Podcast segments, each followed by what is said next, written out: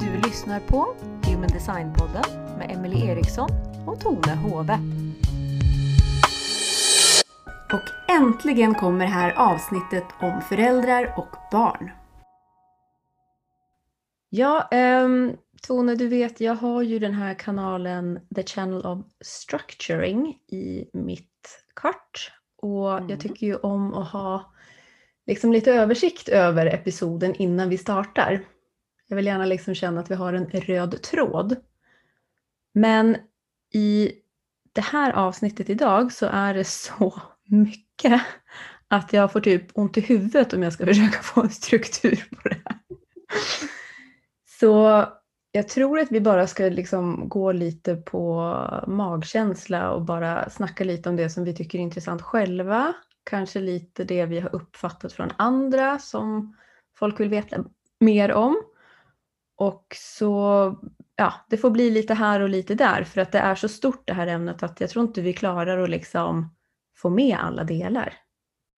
Och så är man nyfiken så kan man ju beställa en reading av sitt eget barns chart om man vill veta mer. För att det kan ju hända att vi säger någonting nu om eh, projektorbarn till exempel och så upplever du att inte det stämmer för ditt barn. Och då kan det vara för att det är något annat i ditt barns chart som pekar andra vägen. Så det vi snackar om idag blir ju liksom lite generella tips och råd. Eh, och sen är det ju upp till dig såklart att känna efter om det här är något som stämmer eller inte. Perfekt.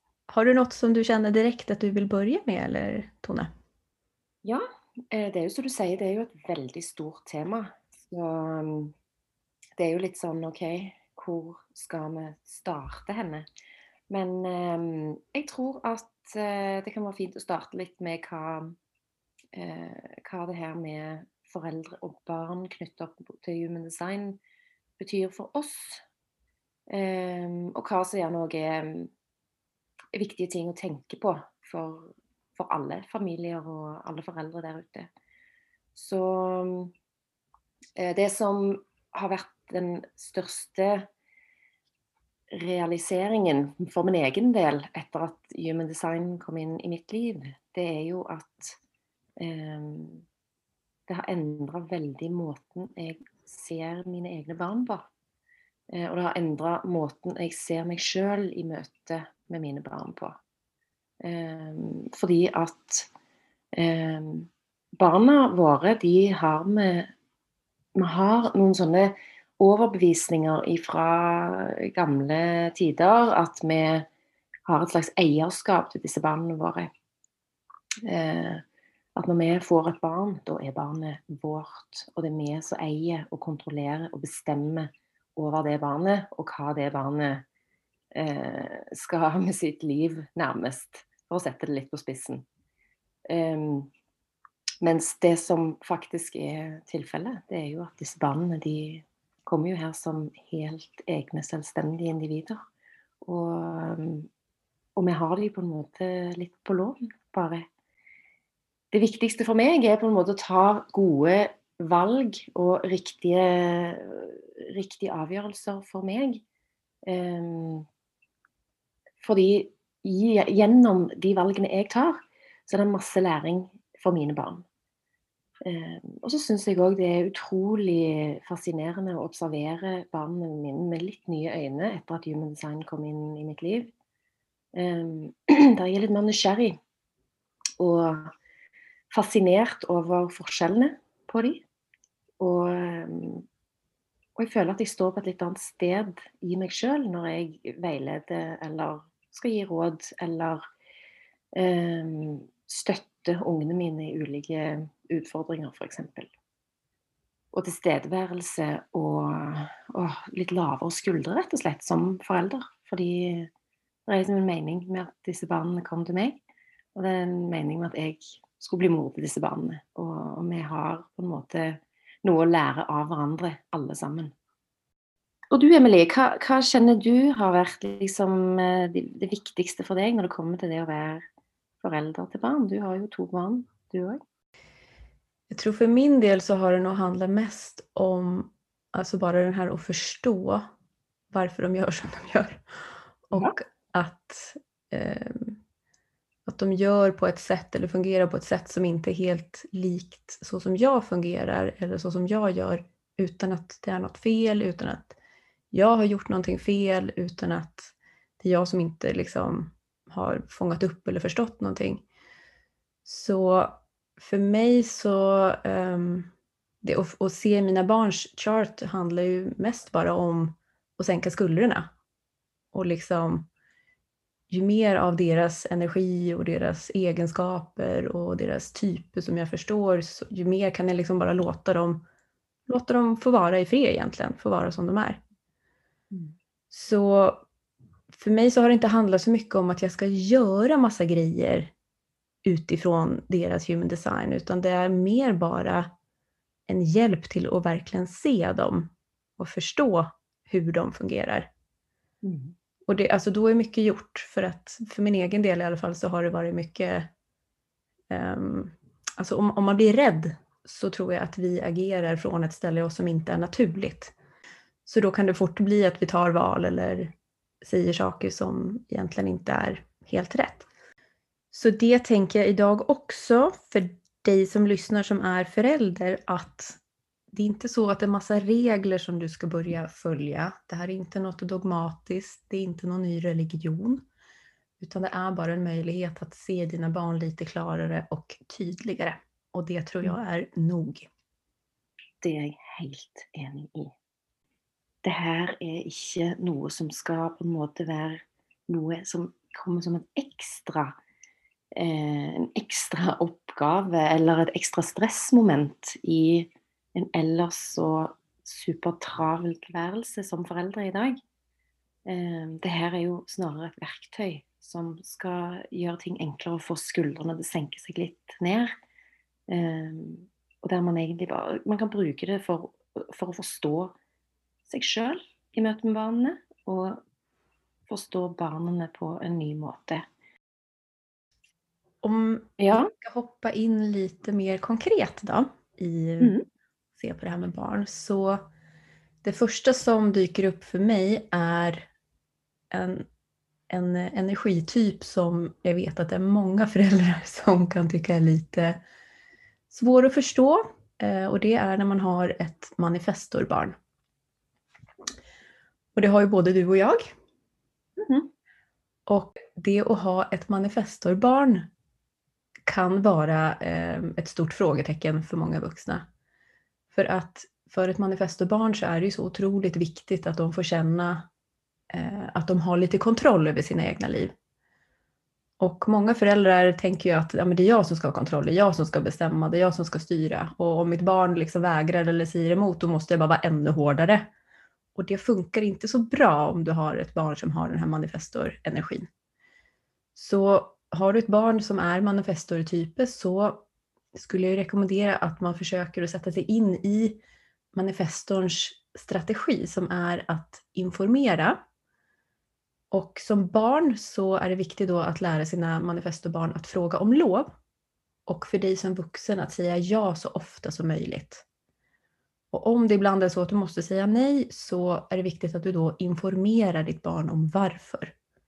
Mm. Det här upplever i alla fall jag att det ger mycket, mycket mindre konflikt. Och det flyter mycket, mycket lättare när jag själv förs försöker liksom låta mitt manifestobarn få styra sitt, sin egen vardag i mest möjlig mån.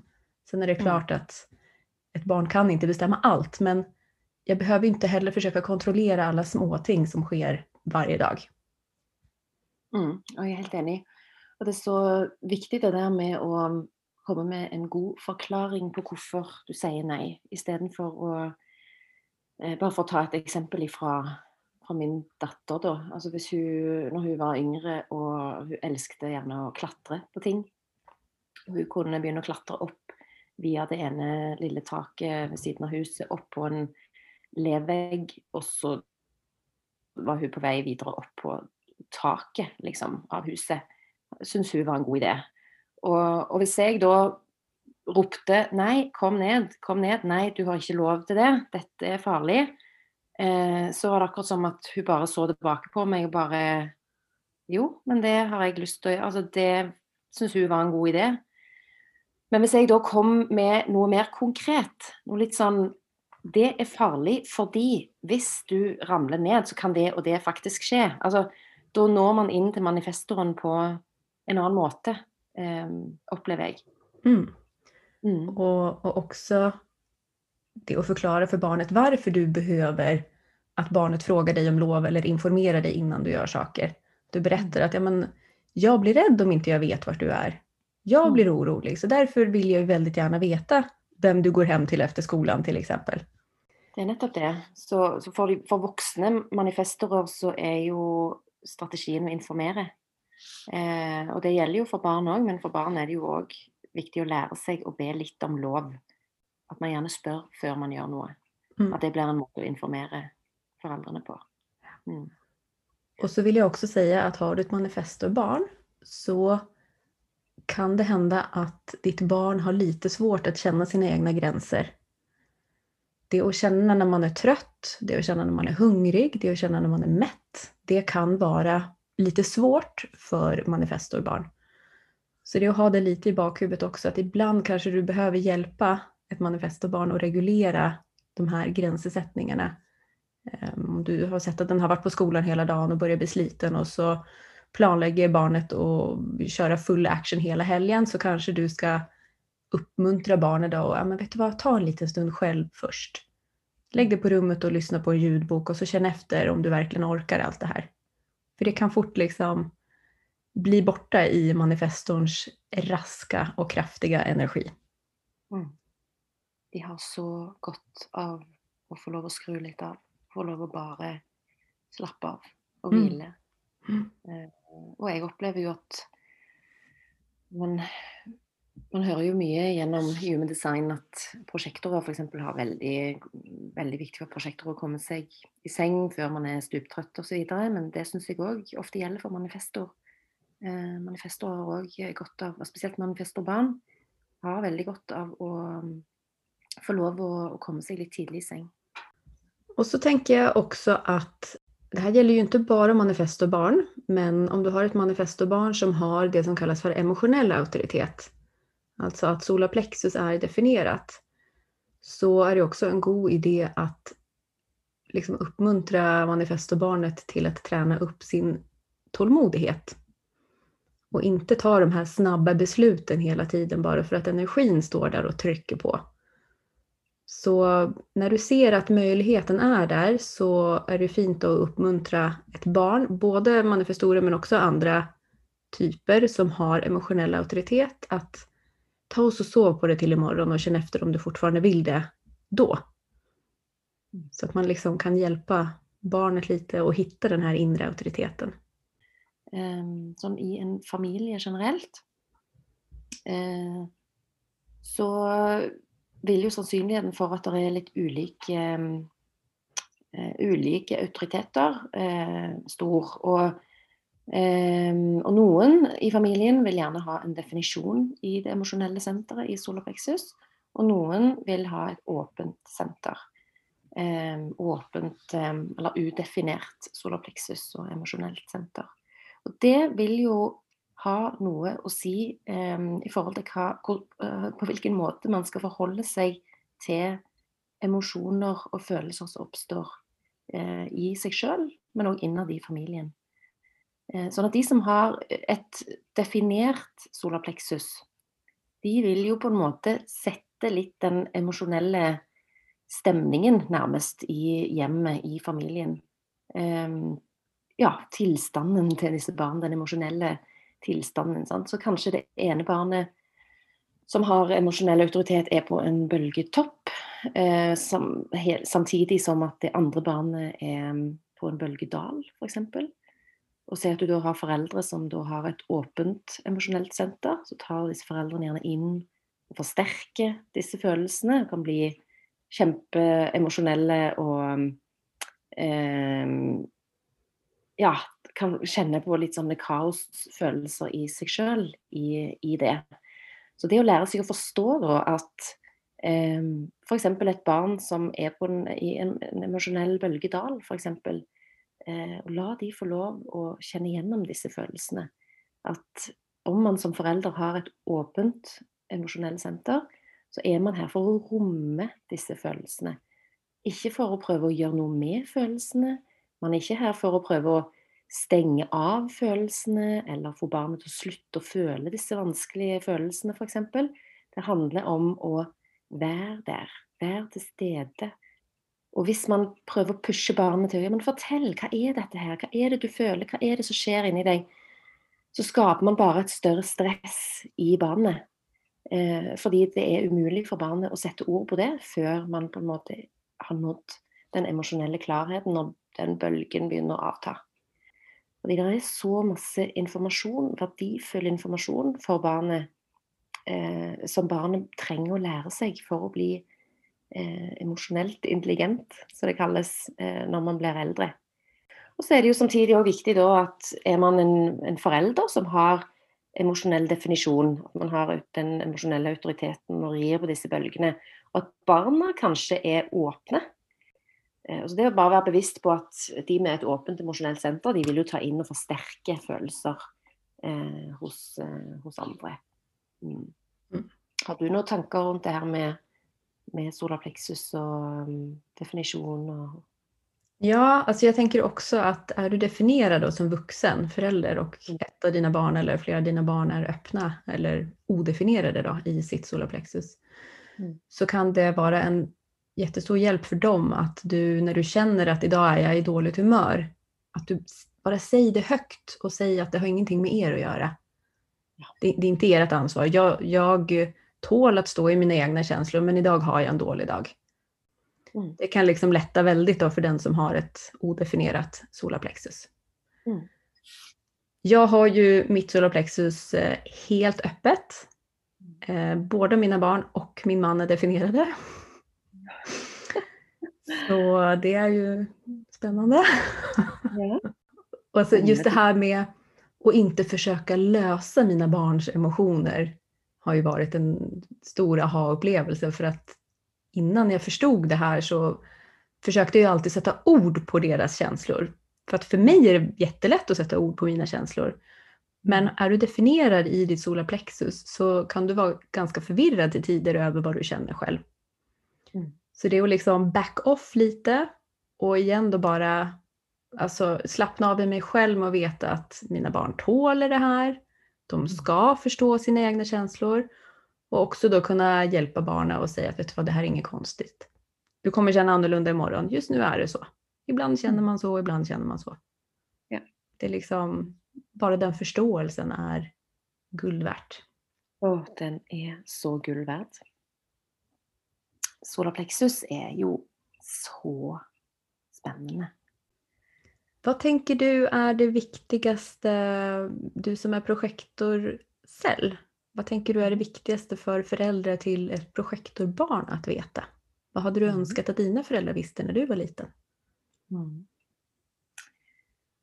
Eh, det som är otroligt viktigt när man har ett projektorbarn, det är for det første å forstå at energien til en prosjektor fungerer så annerledes enn f.eks.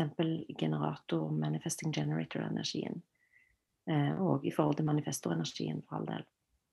Så det å ha, eh, ha en eh, aksept og en forståelse og, eh, for at energien til en prosjektor vil komme og gå. Prosjektoren kan være superenergisk og ha masse energi i det ene øyeblikket, og så vil prosjektoren ha et behov for å lade batteriene sine.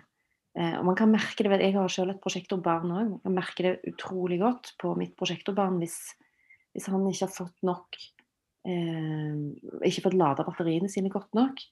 Eh, hvis han har vært sein i seng, f.eks eh, tåler ekstremt dårlig og, og får mangel på søvn.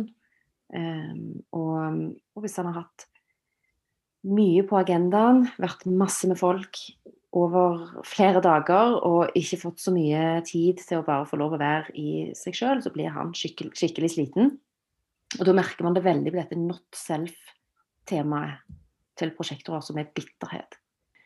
Skylde på ting og sende ut sånne bitre signaler om ting i omgivelsene sine. Og eh, vi merker det så tydelig, eh, den her, den her litt sånn bit, bitre eh, energien.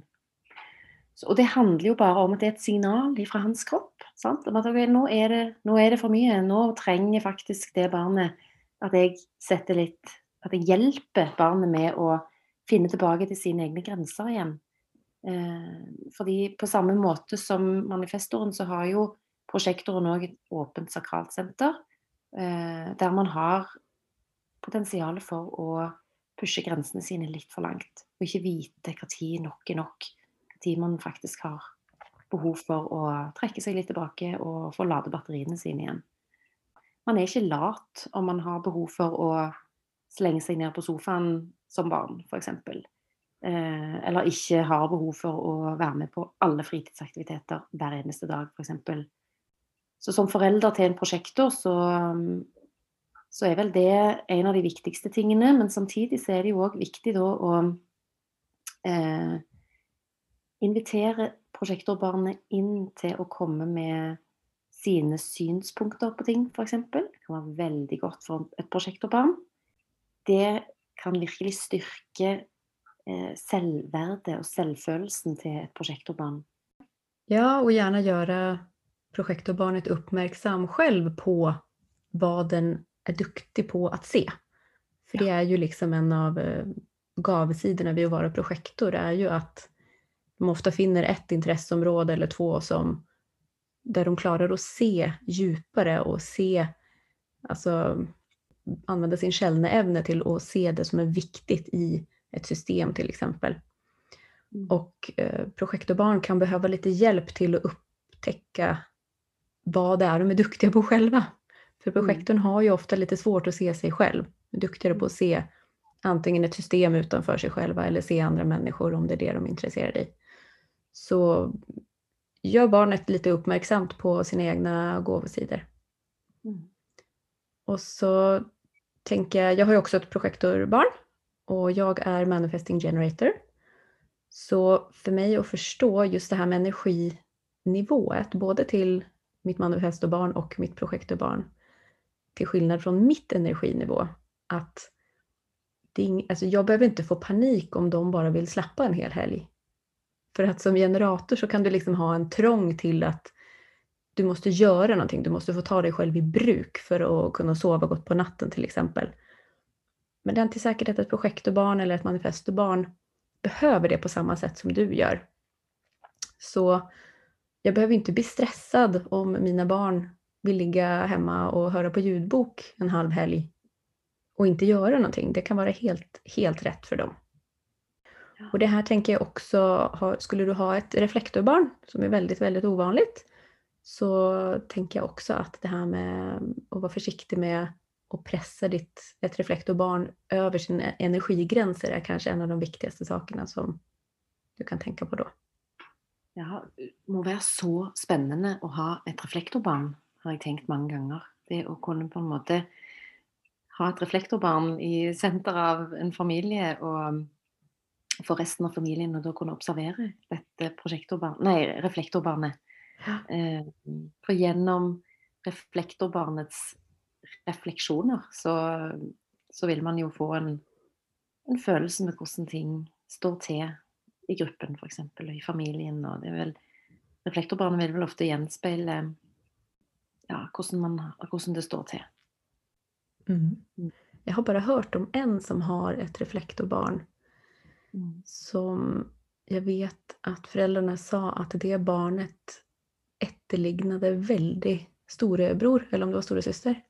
Mm. Alltså gjorde väldigt mycket av detsamma. Liksom. Var tvungen att pröva ut allt på samma sätt som, mm. som syskonet. Då. Och föräldrarna var ju då lite oroliga för att ja, men den här, det här barnet får ju liksom ingen egen identitet och det måste sluta att härmas. Och, men det är kanske så att ett reflektorbarn behöver få pröva ut sina vingar och pröva ut världen. Mm. Är kanske genom att härma i första stadiet.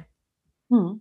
Ja, det var en, en dam som tog kontakt med mig också som har ett eh, projektorbarn, nej, en, unnskyld, reflektorbarn. Eh, da dette reflektorbarnet var så utrolig imøtekommende med andre mennesker. Og nærmest kasta seg rundt halsen på eh, mennesker barnet aldri hadde møtt før, gjerne. Og det var Jeg fikk en sånn følelse av at dette barnet var liksom ute og tok smaksprøver på alt og alle. Og var så begeistra for, eh, for, å møte nye mennesker. Og, eh, og det er klart at det, det kan jo òg tyde på at dette barnet er i et veldig trygt og godt miljø i utgangspunktet. Mm vissa barn är bara naturligt trygga i sig själva. Mm. Vissa barn är mer otrygga utan att vi har gjort någonting fel. Ja. Det, är bara så. Vissa behöver lära sig saker the hard way och vissa har det bara helt naturligt från det små. Vi är ju alla här för att lära något i vårt eget liv. Någon ska lära ting the hard way, som du säger. Mens andra ja, Andre har litt, andre har litt lettere bagasje med seg in i livet, rett och slett. Mm. Ska vi säga lite om det att vara generatorbarn eller manifesting generator-barn också? Jag är ju då manifesting generator och eh, för mig som barn så var det otroligt viktigt att få ha min egen frihet vi är ju så snabba på att respondera när vi får en, någonting att respondera på. Så att ofta kan det hända att vi kastar oss in i saker som vi kanske inte ska hålla på med jättelänge innan vi byter riktning igen. Men så ett rent generatorbarn kanske är lite mer uthållande på att hålla på med samma sak över tid. Så jag tänker att har du ett manifesting generator barn, ge dem så stor frihet som möjligt låt dem i vart fall till viss del få avsluta saker som de känner att de är färdiga med.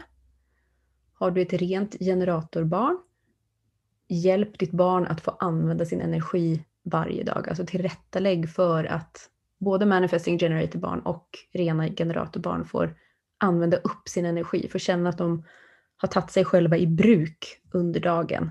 Då vill mm. de sova gott på kvällen och då vill de Alltså fortsätta att använda sin energi på ett sätt som bygger upp dem själva. Mm. I vår familj så är vi ju två projektorer, två manifestorer och en manifesting generator. Och jag har tänkt så många gånger på detta här eh, manifesting generator-barnet med dessa här två projektorerna och två manifestorerna som egentligen bara har lust att slappa av. Helgen kommer. Vi har liksom Ja, nej alltså. Ska man spisa frukost klockan 12 kanske? Och alltså bara ha en super lazy morgon. Och, eh, så han stackars har nog blivit lite präglad av det. Men samtidigt det är det är nog något han ska lära av det också jeg kjenner meg så utrolig igjen i akkurat det du sier der, Emily, med de, de, behovene som du hadde når du var liten. Det med å kunne ha den friheten over å styre over dine egne valg og dine egne, eh, ditt eget liv og det du skal bruke din tid på. Eh, og å få lov å slutte med ting når du kjenner at lysten til det ikke er der lenger. Eh, og det har vært kjempeutfordrende som forelder til en Manifesting Generator-barn. Fordi at der er det òg så mange lag. Eh, at hvis jeg og, og, og, Manifesting Generators kan være veldig impulsive i akkurat det. Så mm. eh, Og min eh, Manifesting Generator mitt Manifesting Generator-barn har òg emosjonell autoritet. Så der er det òg en sånn, har vært en sånn han kan få for seg at han vil slutte på ting. Eh, men han trenger jo virkelig å bruke litt tid på å kjenne på det. Fordi at han kan være i en bølgedal, han, og så Da har han lyst til å slutte med alt. Da er ingenting gøy lenger. sant? Så det å la han få, få altså liksom, Jo, men nå, la oss prøve to treninger til, eller to, to ganger til på det, eller ta tar en avgjørelse da. Hvis du fortsatt da har lyst til å slutte, så helt i orden. Og noen ganger så trenger disse barna kanskje bare en pause fra akkurat det de holder på med. Ah, men, men, barna har gjerne behov for å utforske andre ting en liten periode. Eh, men så kan man gjerne komme tilbake igjen til det som man egentlig hadde glede av tidligere, da. På et senere tidspunkt. Eh, det å finne en sånn fin balanse der har vært verdifullt for oss, i hvert fall. Men gud, det har vært skikkelig vanskelig. å det er utfordrende å, å klare å gi altså både manifesting generators-barn og manifestorbarn den friheten som de kanskje egentlig har behov for. Det, det, er, det er, ikke alltid like lett, men det er veldig spennende når man, eh, når man våger å liksom pushe sine egne grenser litt som forelder. Eh, og se hva det gjør med barnet. Det er eh, Vi har litt godt av å slakke litt på tøylene av og til. Ikke holder de for hardt fast. Så tänker jag det du säger där med att um, lära barn tålmodighet. Att um, som ett manifesting generator barn då, eller en manifestor, om de känner att de har bestämt sig för någonting som de vill göra eller inte vill göra. Det är att få barnet att känna att ja, du ska få vara med och bestämma. Du ska få vara med och kontrollera ditt eget liv. Men vi kan vänta några dagar. Vi kan vänta en vecka. Vi kan pröva en gång till, som du säger. Så att vi inte bara bestämmer hårt utan vi låter liksom barnet få vara med på resan samtidigt då som vi kan uppmuntra till tålamod och det att mm. öva sig på att känna efter lite över tid så att det inte blir för rastlöst som du säger. Och, och det med att se på om det finns en möjlighet för att finna eh, glädje i det man eh, i den aktiviteten som barn har lust att sluta i, för exempel. Säg att det är fotboll då. At barn har lyst til å slutte i fotball fordi at eh, ja, barn har mista litt eh, gnisten og, og, gleden i fotball. Men er det da f.eks. en mulighet for å se på eh, Kan dette barnet ha glede av å få, en, få stå litt i mål en periode, istedenfor å springe der ute på midtbanen? Kanskje, kanskje, barnet var ferdig med å springe på midtbanen, og så Å, ja! Stå i mål! Det har jeg lyst til å gjøre en periode. Så kan barnet få teste litt andre ting innenfor det eh, Altså hjelpe barnet med å se muligheter der barnet er. Istedenfor å bare liksom Nei, slutte, og så hoppe til det neste, hoppe til det neste, hoppe til det neste. Men kanskje klare å finne litt nye måter å, å, få det til å fungere på der man allerede er. Det har vært, eh, det har vært en løsning som har fungert eh, godt for oss, i hvert fall. Och då tänker jag Tone, då använder du verkligen din profil. Din fyra som är att se möjligheter ja, så det så er klart er, det er ikke tilfeldig at jeg er mor til dette barnet, for å si det sånn. det er jo det, og det er jo det som er så spennende, fordi at eh, jeg trenger jo dette barnet for å få fram de versjonene, se at de versjonene av meg finnes. Og dette barnet trenger jo meg for å lære å se ting på min måte. Og det er det som òg er så spennende innad i en familie. Ehm. Jag tänker så här att alla ting som vi kan se som problem i en familj eller i vårt förhållande till barn kan vi också se som en möjlighet att lära någonting på. Så varje gång det uppstår någonting som känns svårt, antingen om det är någonting som händer i den yttre världen eller om det är en egenskap hos ditt barn eller en egenskap hos dig själv. Jag tänker att vi har ju alltid möjligheten att välja om vi ska möta det som vi upplever som svårt, som ett offer, att åh stackars oss eller stackars mig eller gud vad det här är svårt och jag skulle önska att det inte var så här. Eller så kan vi välja att se det som en möjlighet att växa, en möjlighet att lära någonting. Så oavsett om det är någonting svårt som händer utanför familjen eller om det är en egenskap som du tycker är svår att hantera hos dina barn eller en egenskap hos dig själv som är svår.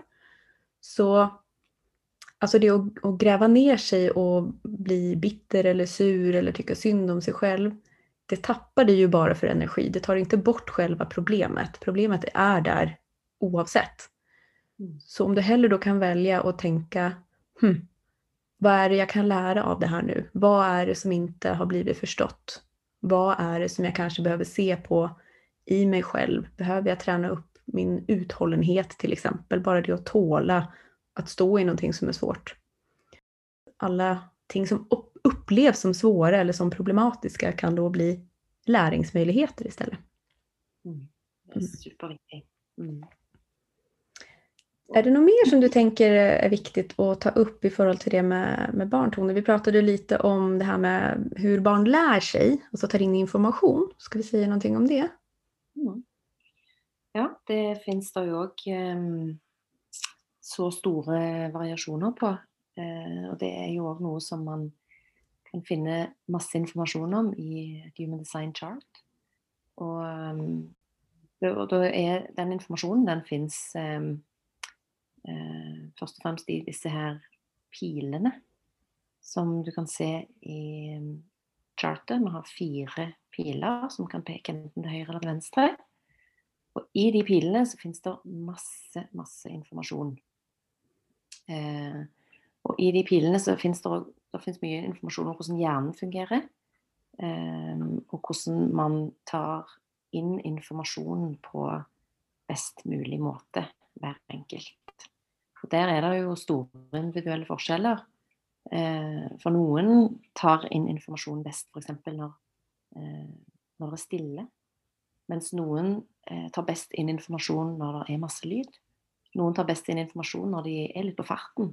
Eh, mens andre trenger å ha et rolig, eh, behagelig miljø rundt seg når de skal ta inn informasjon på en, en god måte. Og det betyr jo ikke at man, eh, at man ikke klarer å ta inn informasjon på andre måter enn det, men det er liksom det optimale, eh, den optimale måten å ta inn informasjon på, f.eks. For, for, for, eh, for hver enkelt. Og, og noen eh, trenger å ta en én ting om gangen, f.eks. Eh, noen trenger å eh, Noen er litt sånn nattdyr. Eh, jobber best på natten, kvelden. Eh, noen eh, jobber best på dagen. Altså alle sånne ting som det kan man få informasjon om i et eh, Human Design Chart. Det er kjempespennende. Eh, og òg bruke da som et lite sånn verktøy for å förstå barna på en litt ny måte. Mm, eksperimentera lite med det. Eksperimentere litt med det, rett og slett. Ikke se på det som en sånn Det er ingen bibel, det er ingenting man skal følge slavisk, men å gjerne observere. Sånn som ene barnet mitt har f.eks. et veldig behov for at um, at han tar inn én ting om gangen. Uh, og for han så handler det jo ikke bare om at um, Ehm, at man skal ta inn én ting om gangen. Det handler jo om at han har et behov for å, ha, eh, å forenkle livet sitt veldig. Hvis det blir for mye i livet på én gang, så blir det overveldende for honom. Og, og, det er utrolig interessant å observere at han har det behovet. Han, når han får lov å velge hvordan hans soverom skal se ut, f.eks., så vil ikke han ha noen ting der inne. Kanskje fotballpokalen, liksom. Men That's it. Jeg bare, men gud, vil du ikke ha litt bøker og litt mm, Sette noen pyntegreier her, eller eh, Vil du ikke ha Nei, ingenting. Altså, han vil ha ting så enkelt rundt seg. Og for meg som forelder, da, å vite om det, eh, så er ikke det noe eh, Jeg prakker ikke det på han. Men jeg tuner meg litt inn på han, og når han ytrer et behov for det, så har jeg en respekt og en forståelse for det. Så det er jo igjen bare et sånn spennende verktøy å eksperimentere med. Mm. Mm. Det är så viktigt det du säger det där att det inte då ska bli en regel som du då ska liksom tvinga ditt barn in i. Det är inte så att nu har du fått uppskriften här på hur du ska laga ditt barn till en perfekt utgåva av sig själv. Ja. Utan det är ju som du säger, för så följ med på, lägg märke till om ditt barn då av sig själv börjar liksom söka det enkla eh, en ting av gången så kan du vara med och stötta det. Gör inte barnet det, okej, okay, men då kanske inte är riktig timing. Mm. Jag tänkte det här med, med pilarna, att nu ska jag förenkla det väldigt, för det är fyra stycken pilar. Och var och en av de här pilarna innehåller ju unik information för olika delar av hjärnan, kroppen och the mind. Men om vi förenklar det här väldigt så kan vi säga att ju fler vänsterpilar, alltså ju fler av pilarna som pekar mot vänster, ju mer aktivt är det här barnet eller den här människan. Ju mer strategisk, ju mer fokuserad, lite mer alltså den här, det sätt som vi egentligen har varit, varit vana till att jobba på och ta in information på över lång tid. Men har du många högerpilar så har du mer en, ett passivt sätt att ta in information på. du, har, du är kanske inte så strategisk mot varför du tar in information utan du bara suger till dig massa information om väldigt många olika saker. Du är väldigt receptiv. Och så kanske du behöver hjälp utifrån att få ut allt det här du har lärt. Alltså all den information du har samlat på dig. Det kanske, du kanske behöver att någon annan ställer dig frågor innan du själv förstår hur mycket du faktiskt kan och vet. Och det här gör ju då att barn som har många vänsterpilar vill kunna kanske, säg när du går på skolan, då, kunna fokusera mer strategiskt på hur de ska ta in information, hur de ska lära sig saker och ting.